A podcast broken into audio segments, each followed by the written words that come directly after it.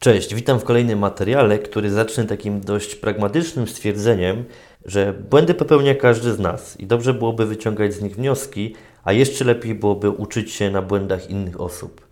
Dlatego właśnie dzisiaj opowiem Wam o rzeczach, które robiłem sam w tamtym okresie ze świadomością, że wszystko jest ok i właśnie w taki sposób należy trenować.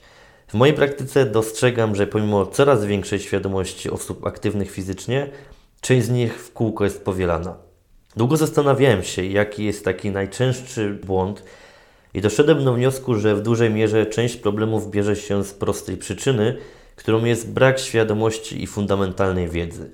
Oczywiście nie chodzi mi o to, aby przed rozpoczęciem robienia czegokolwiek przeczytać 10 książek, odbyć 7 szkoleń, ponieważ to również może być dobrą wymówką.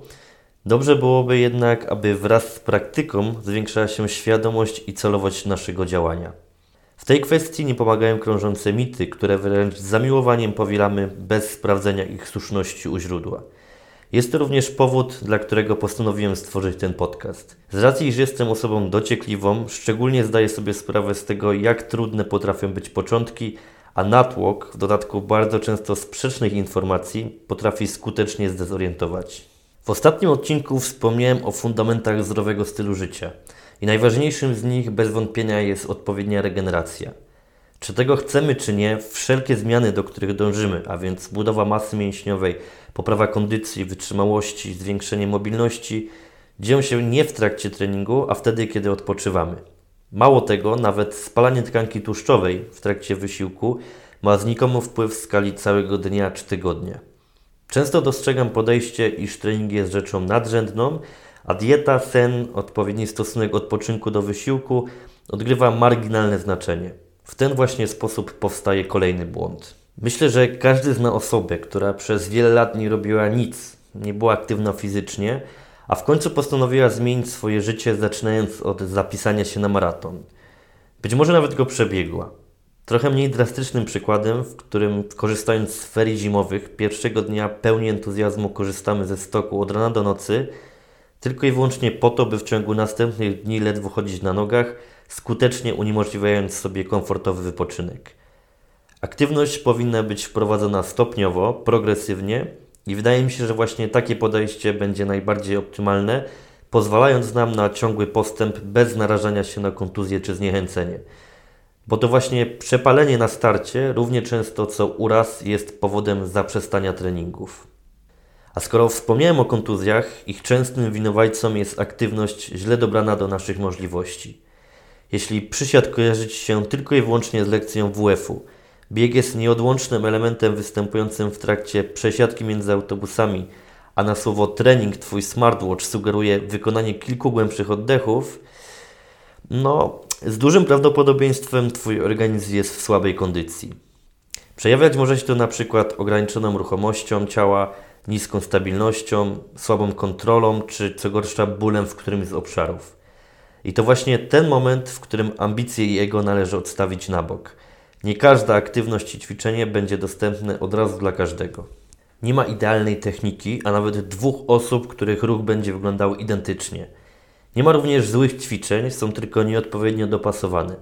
Dlatego tak istotną kwestią jest, aby trening był zaplanowany i spersonalizowany. Doskonale pamiętam, jak zaczynając treningi na siłowni, korzystałem z planów treningowych znalezionych w internecie. Pomijając fakt, iż sposób wykonania pozostawiał wiele do życzenia, część z nich była dosadnie mówiąc bezsensowna, źle ułożona i bazująca na metodyce kulturystycznej. Oczywiście tylko taką wtedy znałem, więc jakoś bardzo mi to nie przeszkadzało. Natomiast y, dzisiaj wiem, że brakowało w nim wszechstronnego podejścia, pracy nad mobilnością, kondycją czy chociażby siłą mięśniową. Nie wspominając już nawet o pierwszych krokach na siłowni, które były całkowicie chaotyczne, nieustrukturyzowane i wyglądały mniej więcej tak, że przychodziłem trenując najczęściej na maszynach, które akurat były wolne.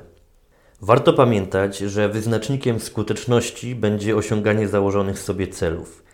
W określeniu tego pomocne będą testy i to właśnie one odgrywają ważną rolę.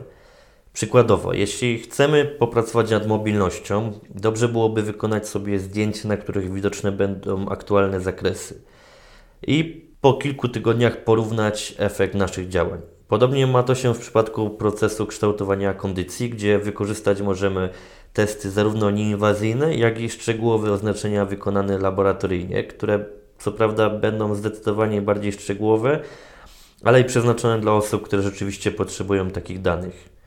Jeżeli mówimy o treningu siły, tutaj również możemy wykonać y, testy siły maksymalnej, które po jakimś czasie porównane dadzą nam odpowiedź na to, czy nasz trening był dopasowany w sposób prawidłowy. Chyba najistotniejszym elementem wszystkich tych testów będzie ich wymierność, ponieważ nasza subiektywna ocena nie zawsze będzie miała pokrycie z rzeczywistością. Nie zmienia to jednak faktu, iż nawet takie rzeczy, których nie będziemy testować, a jesteśmy w stanie łatwo zauważyć, szczególnie jeśli dopiero zaczynamy swoją przygodę z aktywnością, czyli na przykład jesteśmy w stanie więcej przebiec, czy wolniej się męczymy, będą skutecznie i fajnie napędzały do działania. Zdarza się, i to niejednokrotnie, że niepotrzebnie skupiamy się na rzeczach mało istotnych, zapominając o solidnych podstawach. Chyba najlepszym przykładem będzie suplementacja, która stanowi może 1% sukcesu. Wciąż spotykam się z zapytaniami typu zaczynam ćwiczyć, jakie mam białko kupić, czy potrzebuję kreatyny, jakie witaminy itd. I warto pamiętać, że nie są to żadne magiczne środki, które wykonają za nas pracę. Jak zresztą sama nazwa wskazuje, powinien być to tylko i wyłącznie dodatek, który nie zawsze jest konieczny. Tak na koniec myślę sobie, że wszystko o czym wspomniałem sprowadza się jeszcze do jednej kwestii. Że często oczekujemy rezultatów w trybie natychmiastowym, a brakuje w tym podejścia długoterminowego. Wydaje mi się, że zdrowy styl życia powinien być swego rodzaju przyjemnością, z której płynie mnóstwo korzyści, a nie nieprzyjemną robotą, którą musimy wykonać, a potem to już niech się dzieje, co się ma dziać. Ale chyba z tą refleksją pozostawiam Was samych. Dzięki wielkie za odsłuchanie materiału. Oczywiście zapraszam do obserwowania kanału, a także śledzenia mojego Instagrama, do którego link znajduje się w opisie.